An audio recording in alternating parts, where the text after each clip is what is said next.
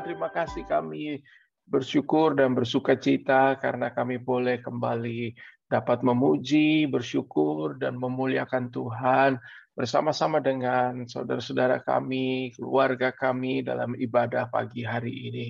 Terima kasih Tuhan karena Engkau begitu layak untuk menerima segala pujian, segala kehormatan, pengagungan, dan kemuliaan. Terima kasih untuk hari yang baru Tuhan berikan kepada kami. Kasih karunia kehidupan yang Tuhan percayakan kepada kami. Terima kasih untuk rahmat-Mu, kasih setiamu yang baru bagi kami. Kami percaya hari ini Tuhan jadikan bagi kami, untuk kami boleh bersuka cita bersama-sama dengan Tuhan. Dan tiba saatnya kami mau membuka hati kami bagi kebenaran firman Tuhan. Kami mau menikmati berkat Tuhan pagi hari ini. Kami percaya firman Tuhan itu berkuasa. Kami percaya bahwa firman Tuhan itu dahsyat dan ajaib. Kami percaya firman-Mu akan menuntun kami untuk hidup dalam seluruh kehendak Allah. Karena itu ya Tuhan, mampukan dan tolonglah kami, berikanlah kami hikmat, petunjuk dan tuntunan, berbicaralah kepada kami dan berikan hati seperti hati yang lembut dalam diri kami, agar kami bisa terus bertumbuh, berakar dan menghasilkan buah yang baik bagi kemuliaan nama Tuhan. Kami siap untuk mendengarkan firman-Mu. Di dalam nama Tuhan Yesus kami bersyukur dan berdoa. Amin. Haleluya. Shalom Bapak Ibu Saudara sekalian. Puji Tuhan, senang sekali pagi hari ini ketemu lagi dengan eh, Bapak Ibu Saudara sekalian. Saya lihat wajah-wajah yang bersuka cita, wajah-wajah yang penuh dengan berkat Tuhan saya yakin Tuhan itu baik dalam kehidupan setiap kita masing-masing. Saya percaya Tuhan sudah melakukan banyak perbuatan-perbuatan baik dalam kehidupan kita. Inilah yang menjadi alasan yang menyadarkan kita bahwa uh, pagi hari ini kita ada semua karena anugerah Tuhan. Terima kasih untuk kesempatan yang diberikan bagi saya sehingga saya bisa melayani Tuhan dan juga berbagi pada ibadah pagi hari ini. Terima kasih Bu Febe dan juga pengurus. Terima kasih juga buat Martin yang sudah memimpin kita dalam pujian, masuk dalam tahta kasih karunia Tuhan untuk menyembah Tuhan. Luar biasa. Baik, eh, kita akan langsung saja bersama-sama membuka Alkitab kita dan merenungkan firman Tuhan. Saya berdoa, berharap agar kita kembali diberkati lewat firman Tuhan. Judul dari renungan pagi hari ini adalah kasih semula dan pekerjaan semula. Kasih semula, pekerjaan semula, atau kasih mula-mula, atau pekerjaan mula-mula. Atau uh, dalam Alkitab yang kita baca dijelaskan uh, dalam terjemahan yang lain dikatakan kasih yang pertama dan pekerjaan yang pertama atau perbuatan yang pertama. Wahyu 2 ayat 2 sampai 7. Wahyu pasalnya yang kedua ayat 2 sampai dengan ayatnya yang ketujuh. Saya tentu mengajak Bapak Ibu Saudara untuk memperhatikan kalimat atau ayat-ayat firman Tuhan karena dari sinilah kita akan menemukan dan menerima berkat Tuhan. Wahyu 2 ayat 2 sampai 7. Demikian firman Tuhan saya bacakan. Aku tahu ayat firman Tuhan ini. Ini adalah wahyu atau pesan Tuhan Yesus secara khusus kepada jemaat di Efesus. Jemaat yang luar biasa, jemaat yang diberkati oleh Tuhan. Pesan Tuhan kepada beberapa jemaat di dalam kitab Wahyu itu ditujukan betul secara spesifik kepada jemaat-jemaat yang ada pada saat itu. Tetapi ketika kita mengenakannya atau menempatkannya dalam kehidupan bergereja atau kehidupan kita sebagai orang Kristen, orang percaya, anak Tuhan, umat tebusan, maka dari pesan-pesan ini kita bisa menemukan ada hal-hal yang sangat spesifik, yang sangat berguna buat kita. Dan apa yang kita akan dapatkan dari pesan Tuhan terhadap jemaat Efesus ini akan menolong kita untuk menemukan hal-hal yang perlu untuk kita perbaiki, untuk kita koreksi, untuk kita tobatkan atau untuk membuat kita bertobat. Sebab jemaat Efesus juga ini merupakan gambaran kehidupan kita masing-masing yang perlu untuk kita uh, ambil atau kita pelajari. Bapak Ibu Saudara, pesan ini merupakan pesan pewahyuan dan pesan yang secara spesifik merupakan teguran kepada jemaat Efesus. Tentu kita tahu bahwa ini merupakan pesan yang menegur jemaat di Efesus. Dan ini juga merupakan pesan yang ditujukan kepada setiap kita untuk menegur setiap kita. Dan alangkah baiknya jika kita punya hati yang lembut, membuka hati untuk pesan Tuhan, karena kita tahu kalau Tuhan menegur kita, maka ini bukti bahwa Tuhan itu sungguh amat mengasihi kita. Tuhan ingin menyelamatkan kita, Tuhan ingin membuat segala rancangannya terjadi dan tergenapi di dalam kehidupan kita. Jemaat Efesus dikatakan bahwa mereka telah melakukan perbuatan-perbuatan yang benar. Dari ayat-ayat yang kita baca, paling tidak saya menemukan ada perbuatan-perbuatan jemaat di Efesus yang dipuji, yang juga dinyatakan oleh Tuhan. Yang pertama, mereka adalah orang-orang yang rajin. Mereka adalah jemaat yang rajin. Kalau hari ini Bapak Ibu Saudara adalah jemaat yang rajin, hamba Tuhan yang rajin, puji Tuhan, itu perbuatan-perbuatan benar yang dipuji oleh Tuhan. Saya memberi apresiasi kepada Bapak Ibu Saudara yang setiap hari tidak pernah absen untuk ikut doa pagi ya. Di sini luar biasa. Saya melihat wajah-wajah Bapak Ibu Saudara, saya yakin setiap hari Bapak Ibu Saudara hadir dan kalau Bapak Ibu Saudara rajin untuk lakukan itu, itu adalah sesuatu yang sangat terpuji. Yang kedua, jemaat Efesus adalah tekun Bapak Ibu Saudara. Bukan hanya sekadar rajin, tetapi tekun, persistence. Mereka bisa saja lemah, tetapi mereka bangkit lagi. Mereka bisa saja melakukan kesalahan, tetapi mereka bangkit lagi. Nah, ini juga merupakan eh, perbuatan yang baik yang bisa kita pelajari. Saya juga yakin bahwa Bapak Ibu Saudara kita semua belajar untuk menjadi orang-orang yang tekun, yang terus melakukan segala sesuatu dengan dengan konsisten, dengan setia Bapak Ibu Saudara. Ia juga dikatakan jemaat Efesus sebagai jemaat yang sabar. Sabar itu penting. Hari-hari ini ada banyak orang namanya sabar tapi nggak pernah sabar. Ada banyak pelajaran tentang kesabaran, tetapi kita menjadi orang-orang yang tidak sabar. Padahal sabar itu merupakan atribut yang baik, perbuatan yang baik. Kitab juga mencatat bahwa jemaat Efesus adalah jemaat yang tegas. Mereka diperhadapkan dengan rasul-rasul yang palsu. Mereka menguji, mereka menemukan, mereka menyelidiki apa yang salah, dan mereka telah menemukan bahwa mereka adalah orang eh, rasul-rasul yang palsu, pengajaran-pengajaran yang palsu. Nah, lalu kemudian mereka disebut sebagai jemaat yang tidak menyerah atau tidak mengenal lelah, Bapak Ibu Saudara. Ini kan luar biasa. Ini menunjukkan bahwa jemaat Efesus sudah melakukan perbuatan-perbuatan yang benar, melakukan perbuatan-perbuatan yang baik. Namun Tuhan menegur mereka dengan keras, bahkan Tuhan berkata Tuhan akan mengambil kaki Dian dari tempatnya. Tuhan akan mengambil kaki Dian mereka di tempatnya. Nah, Bapak Ibu saya dikasih oleh Tuhan, ini pelajaran buat setiap kita. Kalaupun kita mau uh, merenungkan apa yang terjadi sejak pandemi ini, Bapak Ibu, selama dua tahun uh, kita alami, sebetulnya kita bisa menarik sebuah pelajaran yang penting bahwa uh, ternyata keadaan pandemi ini juga merupakan bentuk teguran buat setiap kita. Kenapa? Karena kita bisa saja berkata bahwa sebagai hamba Tuhan, sebagai orang yang melayani Tuhan, sebagai seorang aktivis, kita sudah melakukan banyak perbuatan-perbuatan yang baik banyak perbuatan-perbuatan yang benar. Kita sudah aktif dalam aktivitas-aktivitas yang rohani, Bapak Ibu Saudara.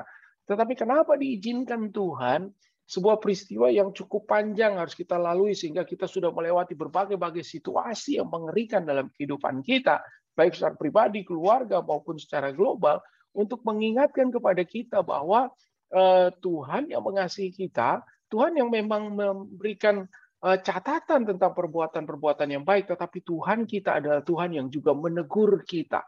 Ada hal-hal yang penting untuk disingkapkan. Kita harus tahu bahwa wahyu atau kitab wahyu atau kata wahyu sendiri adalah eh, bertujuan untuk menyingkapkan sesuatu.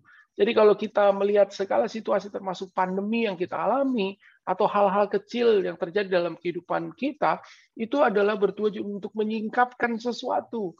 Kita tahu bahwa selama ini protokol kesehatan adalah sesuatu yang tidak kita pikirkan.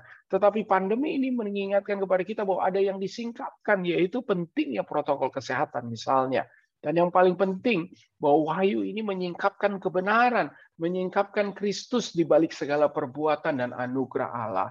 Nah, karena itu apa yang dicela? Sehingga Tuhan berkata akan mengambil kaki dian mereka dari tempatnya. Yang pertama yang mereka tinggalkan adalah kasih yang semula. Kita tahu mereka juga meninggalkan perbuatan yang semula. Jadi kalau kita lebih teliti lagi melihat teguran ini, pesan ini, Wahyu pasal yang kedua ini dikatakan aku mencela engkau karena engkau telah meninggalkan kasih yang semula, lalu kemudian dikatakan apa? Lakukan lagi perbuatan semula yang telah engkau lakukan. Berarti di sini ada kasih yang mula-mula dan juga ada perbuatan yang mula-mula. Kita sering kali melihat ayat ini hanya berpikir bahwa lakukan lagi apa namanya yang yang ditegur adalah kasih yang semula. Tidak salah, tetapi ini merupakan sebuah gabungan kasih yang semula dan juga perbuatan atau pekerjaan yang semula. Nah, pertanyaannya, apakah itu kasih yang semula dan apa itu perbuatan yang semula? Secara spesifik memang ini ditujukan kepada jemaat Efesus. Karena itu eh, kita akan belajar dari Alkitab apa yang menjadi eh, kasih yang semula dan perbuatan yang semula terhadap jemaat Efesus. Karena itu saya ingin kita buka sebentar satu ayat firman Tuhan yang menjadi pelajaran buat kita dalam kisah para rasul 19 eh, ayat 8 sampai ayat yang 10 ini adalah cerita tentang jemaat Efesus. Jadi kalau Bapak Ibu sudah baca kisah 19 maka ini bicara tentang sejarah atau asal mula tentang jemaat di Efesus dan uh, ada beberapa catatan yang dicatat dalam Alkitab yang membuat kita bisa belajar apa sih yang mula-mula dilakukan oleh jemaat di Efesus, apa sih yang dilakukan oleh jemaat Efesus pada awalnya kisah 19 ayat 8 sampai 10. Kisah 19 ayat 8 sampai 10 ada di uh, layar sehingga Bapak Ibu Saudara bisa membacanya ayat 8 dikatakan, selama tiga bulan Paulus mengunjungi rumah ibadat di situ. Kalau Bapak Ibu sudah baca dalam perikop Alkitab, buku Alkitab gitu ya, yang berupa tertulis di atas perikopnya adalah eh, Paulus di Efesus atau jemaat Efesus. Selama tiga bulan Paulus mengunjungi rumah ibadat di situ. Jadi tiga bulan Paulus di situ eh, di sinagoga, rumah ibadat eh, Yahudi, sinagoga, dan mengajar dengan berani oleh pemberitaannya ia berusaha meyakinkan mereka tentang kerajaan Allah. Tetapi ada beberapa orang yang tegar hatinya. Mereka tidak mau diyakinkan, malahan mengumpat jalan Tuhan di depan orang banyak. Karena itu Paulus meninggalkan mereka. Jadi selama tiga bulan mereka ada di sinagoga, tetapi karena ada persoalan ini Paulus memutuskan untuk meninggalkan mereka dan juga memisahkan murid-muridnya dari mereka. Jadi ada ada ada perbedaan karena mereka mulai mengumpat jalan Tuhan. Dan apa yang dikatakan dari eh, dan memisahkan murid-muridnya dari mereka dan setiap hari berbicara di ruang kuliah Tiranus. Jadi mereka pindah tempat, Bapak Ibu Saudara. Dari sinagoga mereka pindah ke ruang kuliah Tiranus. Hal ini dikatakan dilakukannya dua tahun lamanya, sehingga semua penduduk Asia mendengar firman Tuhan baik orang Yahudi maupun orang Yunani. Jadi ternyata yang terjadi awal-awal terhadap jemaat Efesus ini adalah sesuatu yang luar biasa. Dikatakan setiap hari mereka mendengarkan pengajaran selama dua tahun, Bapak Ibu Saudara. Bayangin, ini orang model apa yang dua tahun, selama dua tahun dan setiap hari berturut-turut mendengarkan pengajaran, berkumpul dan mendengarkan pengajaran firman Tuhan. Saya yakin ini sesuatu yang dahsyat, ini sesuatu yang luar biasa. Kalau saya mau tanya nih, eh, kita sudah dua pagi berapa lama ini? Kalau seandainya saja selama dua tahun ini kita sudah apa namanya dua tahun selama pandemi ini kita harus zoom online, lalu kemudian kita setiap hari mendengarkan firman Tuhan, belajar, Bapak Ibu Saudara, ini mirip-mirip keadaannya. Jadi mereka itu dua tahun setiap hari dikatakan. Berarti ini intens banget. Ini kalau kuliah ini udah master nih Bapak Ibu Saudara ya. Dua tahun mereka belajar firman Tuhan. Mereka uh, dengan setia melakukan itu di tengah tekanan. Dan ini merupakan dasar dan sejarah tentang jemaat di Efesus, Bapak Ibu Saudara. Setelah itu jemaat ini berkembang, berkembang, berkembang, berkembang, sehingga pada kitab Wahyu, Tuhan memuji mereka oleh karena apa yang mereka lakukan ini sehingga mereka melakukan perbuatan-perbuatan yang benar, perbuatan-perbuatan yang baik yang dipuji oleh Tuhan. Tetapi Tuhan mencela mereka kenapa? Karena mereka telah meninggalkan kasih dan perbuatan yang semula. Dan apa kasih dan perbuatan yang semula? Apa yang dicela Tuhan? Yang dicela oleh Tuhan, belajar dari uh, sejarah jemaat di Efesus adalah mereka itu awalnya sangat mencintai firman Tuhan. Sama-sama bilang sama saya sangat mencintai firman Tuhan. Amin. Mereka sangat mencintai firman Tuhan. Dua tahun setiap hari mereka berkumpul, mendengar, mempelajari firman Tuhan. Bapak Ibu sedang dikasih oleh Tuhan, ini sebuah teguran buat kita. Apakah kita benar-benar masih mempunyai cinta, passion, gairah akan firman Tuhan? Dan ini sangat penting. Kalau kita mungkin mengingat dulu awal-awal kita bertobat, kalau kita mengingat dulu mungkin awal-awal kita cinta Tuhan, bergairah untuk Tuhan, mulai aktif dalam pelayanan. Saya percaya ini situasi yang pasti terjadi buat setiap kita. Kita itu benar-benar cinta sama firman Tuhan. Kita itu rajin baca Alkitab, kita itu selidiki firman Tuhan uh, tentang Alkitab kita bisa selesaikan uh, kejadian sampai wahyu, kita bisa ulang-ulang lagi kitab wahyu, kita bisa ulang-ulang lagi, baca Injil misalnya. Dan ini menjelaskan situasi yang benar, situasi yang luar biasa yang dipuji oleh Tuhan. Ketika kita justru menunjukkan gairah kita, cinta kita akan firman Tuhan. Sehingga mereka dimotivasi, kita dimotivasi akan eh, oleh gairah dan cinta kita akan firman Tuhan kita untuk melakukan segala sesuatu, Bapak Ibu Saudara. Jadi, latar belakang atau sejarah jemaat Efesus tentang perbuatan dan kasih semula yang mereka lakukan adalah mereka menunjukkan sebuah gairah dan cinta yang luar biasa terhadap firman Tuhan. Mereka itu dimotivasi, digerakkan oleh gairah atau cinta akan firman Tuhan ini untuk melakukan perbuatan-perbuatan yang baik. Dan inilah yang dipuji, inilah yang ternyata sudah tidak ada lagi terhadap jemaat di Efesus. Nah, karena itu Bapak Ibu Saudara, kita akan belajar tentang hal ini dan ini biar menjadi teguran buat setiap kita. Firman Tuhan berkata bahwa iman tanpa perbuatan adalah mati. Tetapi kita juga harus mengetahui ada hal yang juga mirip tentang hal itu, yaitu kasih tanpa perbuatan adalah mati. Itu berarti kasih merupakan sesuatu yang penting. Pesan atau hukum Tuhan adalah kasihlah Tuhan alamu dengan segenap hatimu, lalu kemudian kasihilah sesama manusia seperti Engkau mengasihi dirimu sendiri seperti Tuhan mengasihi umatnya. Dan ini merupakan gambaran bahwa ternyata kasih ini penting sebab ini menggerakkan segala sesuatu. Kasih menggerakkan segala sesuatu. Berarti Bapak Ibu Saudara, kita punya kesimpulan persoalan jemaat di Efesus, persoalan gereja di Efesus, atau mungkin juga persoalan buat setiap kita adalah yang pertama mereka melakukan kegiatan yang baik itu karena memang adalah sesuatu yang benar untuk dilakukan. Saya ulangi sekali lagi. Jadi mereka melakukan sesuatu yang baik atau pekerjaan yang baik itu karena memang itu adalah sesuatu yang benar untuk dilakukan. Nah, ini tidak sepenuhnya benar. Saya ulangi sekali lagi ya, ini memang kalau pagi-pagi belum sarapan kita pasti udah lapar nih Bapak Ibu Saudara ya. Jadi saya ulangi, kalau kita melakukan segala sesuatu karena memang itu adalah sesuatu yang benar untuk dilakukan, itu ternyata belum cukup Bapak Ibu Saudara. Saya ulangi sekali lagi ya, perhatikan kalimat saya. Jadi kalau kita melakukan sesuatu yang baik, pekerjaan yang baik karena itu adalah sesuatu yang memang benar untuk dilakukan, itu tidak cukup Bapak Ibu Saudara. Itu tidak cukup. Kenapa? Karena itu bisa membuat perspektif yang keliru tentang keberhasilan, membuat perspektif yang keliru tentang kesuksesan Bapak Ibu Saudara. Kalau ada sesuatu yang bisa bekerja dengan baik bukan berarti itu pasti benar. Saya ulangi sekali lagi. Bukan berarti kalau semua berjalan dengan baik bahwa itu semua benar Bapak Ibu Saudara. Iya kan? Kita kan tahu bahwa ada banyak hal yang uh, dalam uh, estimasi atau pikir, uh, eh, perkiraan manusia bisa berjalan dengan baik. Hitung-hitungan ukuran manusia itu bisa bekerja dengan baik Bapak Ibu Saudara. Tetapi bukan berarti itu sepenuhnya benar gitu. Seperti contoh, ketika Musa diperintahkan Tuhan untuk mengeluarkan air dari bukit batu, yang pertama Musa memukul bukit batu itu sehingga keluar air.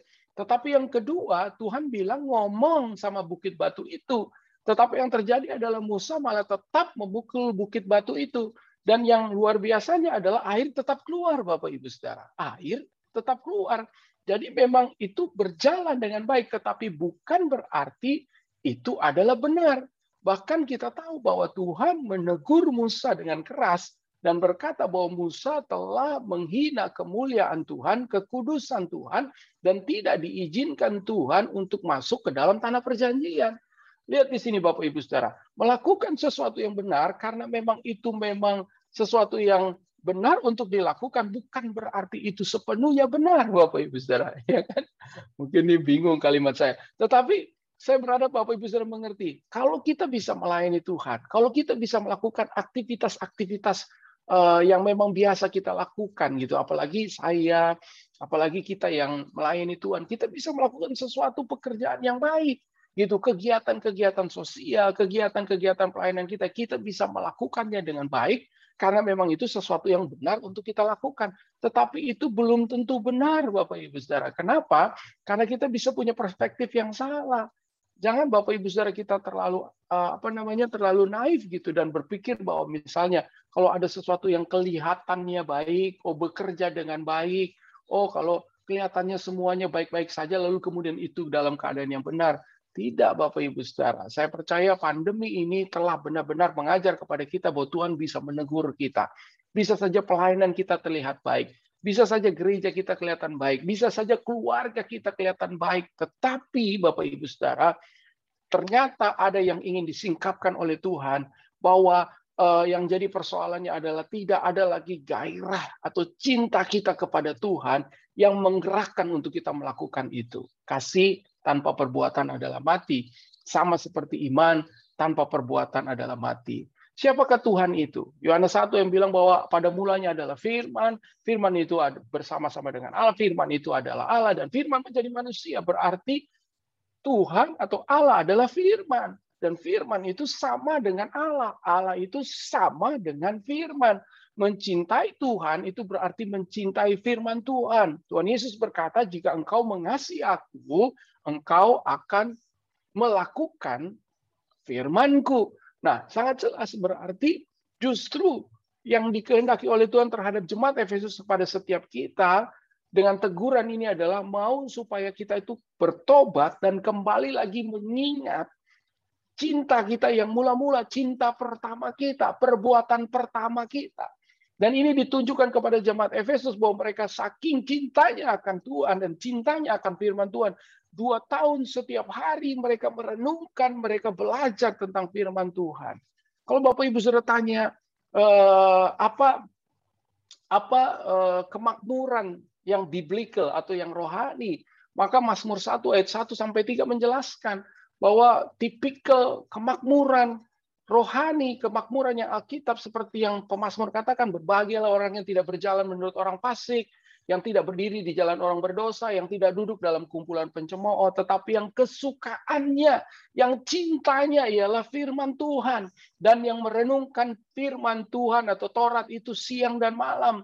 Jadi bukti gairah cinta kita kepada Tuhan ditunjukkan terhadap gairah dan cinta kita untuk merenungkan, meditasi dan juga melakukan firman Tuhan siang dan malam Bapak Ibu Saudara. Ia seperti pohon yang ditanam di tepi aliran air yang menghasilkan buahnya pada musimnya dan yang tidak layu daunnya, apa saja yang diperbuatnya berhasil. Ini adalah keberhasilan biblical. Ini adalah kesuksesan Alkitabiah dan ini dihasilkan dari kecintaan kita akan firman Tuhan, dari kesukaan kita akan firman Tuhan. Bapak Ibu Saudara yang dikasih oleh Tuhan, kalau kita sudah berdoa, Kenapa kita berdoa? Kita punya alasan. Kita berdoa karena berdoa adalah sesuatu yang benar untuk dilakukan. Fine, good. Good. Kenapa kita melayani Tuhan? Karena melayani Tuhan adalah perbuatan yang benar yang memang harusnya kita lakukan. Itu semua harus kita lakukan dan seharusnya memang kita lakukan. Tetapi Tuhan mau ada passionnya, Tuhan mau ada cintanya kepada Tuhan dan kepada firman-Nya dan itu yang akan menghasilkan sesuatu yang luar biasa sesuatu yang benar-benar dikehendaki oleh Tuhan. Itu berarti jika kita ingin melakukan sesuatu yang memang benar untuk dilakukan, bukan berarti kita sudah melakukannya dengan benar. Itu tergantung dari motivasi, dari gairah, dari passion. yang ada di dalam hati kita. Ingat bahwa uh, menyebut ada tiga elemen penting iman, pengharapan, dan kasih. Dan jelas sekali dikatakan bahwa kasih lebih besar dari iman. Kasih lebih besar dari pengharapan. Betul nggak? Makanya kasih itu penting. Lebih besar dari iman. Kita bisa melakukan segala sesuatu dengan iman. Baik sekali. Berdoa dengan iman. Kita juga melayani dengan iman. Kita juga bisa uh, berharap dengan iman. Tetapi Tuhan juga menghendaki agar kita berdoa dengan kasih, melayani dengan kasih, melakukan segala sesuatu dengan kasih, dan kasih lebih besar daripada iman, kata firman Tuhan, dari segala karunia, dari segala eh, pekerjaan-pekerjaan baik. Kenapa? Karena tanpa kasih kepada Tuhan, Bapak Ibu Saudara, maka bisa terlihat motivasi dan gairah yang berbeda, Bapak Ibu Saudara, yang menilai apa yang kita lakukan adalah Tuhan. Betul? Kita bisa saja tampil dan melakukan perbuatan-perbuatan yang baik dan benar. Tetapi motivasi, gerakan, passion yang ada dalam hati kita, Tuhan yang melihat Bapak Ibu Saudara. Oleh sebab itu Tuhan mau supaya ini dikoreksi, ini diterangi gitu. Supaya kita tuh benar-benar punya hati yang passionnya, cintanya kepada Tuhan dan firman-Nya, itulah yang memotivasi kita melakukan apa yang benar. Ini diingatkan lagi kepada jemaat Efesus, ini diingatkan lagi kepada kita untuk kembali kepada kasih yang semula dan pekerjaan dan perbuatan yang semula, yaitu apa? Yaitu cinta akan Tuhan, cinta akan firman-Nya. Sehingga itu yang memotivasi kita untuk melakukan segala sesuatu. Bapak Ibu Saudara tahu istilah tentang jatuh cinta kan? Gitu ya kan? Waktu jatuh cinta, waduh, kata orang tuh, saya kucing rasa coklat, kata orang gitu ya kan Bapak Ibu Saudara. Segala sesuatu dilakukan dengan cinta. Segala sesuatu dilakukan karena sayang yang ada dalam pikiranku cuma kamu, yang ada di uh, apa namanya hatiku cuma kamu dan segala sesuatu benar-benar menunjukkan bahwa uh, cinta akan Tuhan itu merupakan sesuatu yang baik. Nah, lalu kemudian ada peringatannya dikatakan apa? Kaki Dian akan diambil. Bapak Ibu Saudara ini berbahaya. Ini berbahaya. Ini seperti sebuah ancaman yang baik Bapak Ibu Saudara bahwa kalau kita tidak kembali melakukan perbuatan dan kasih yang semula, maka kaki Dian akan diambil. Apa sih artinya kaki Dian akan diambil? Apa sih maknanya kaki Dian akan diambil? Nah, ini bisa menjadi perenungan kita, Bapak Ibu Saudara. Penting. Betul ini adalah istilah, tetapi ada maknanya. Apa artinya kaki Dian akan diambil? Yang pertama, Bapak Ibu Saudara, saya pelajari di sini. Kalau kaki Dian diambil, itu artinya gelap. Sama-sama bilang sama saya gelap. Nah, itu ada istilahnya awah gelap gitu ya Bapak Ibu Saudara ya. Jadi kalau kaki dia diambil berarti apa? Gelap. Apa artinya gelap? Gelap itu berarti sesuatu yang buruk yang menakutkan yang akan menguasai. Iblis adalah kegelapan, dunia adalah kegelapan, dosa adalah kegelapan.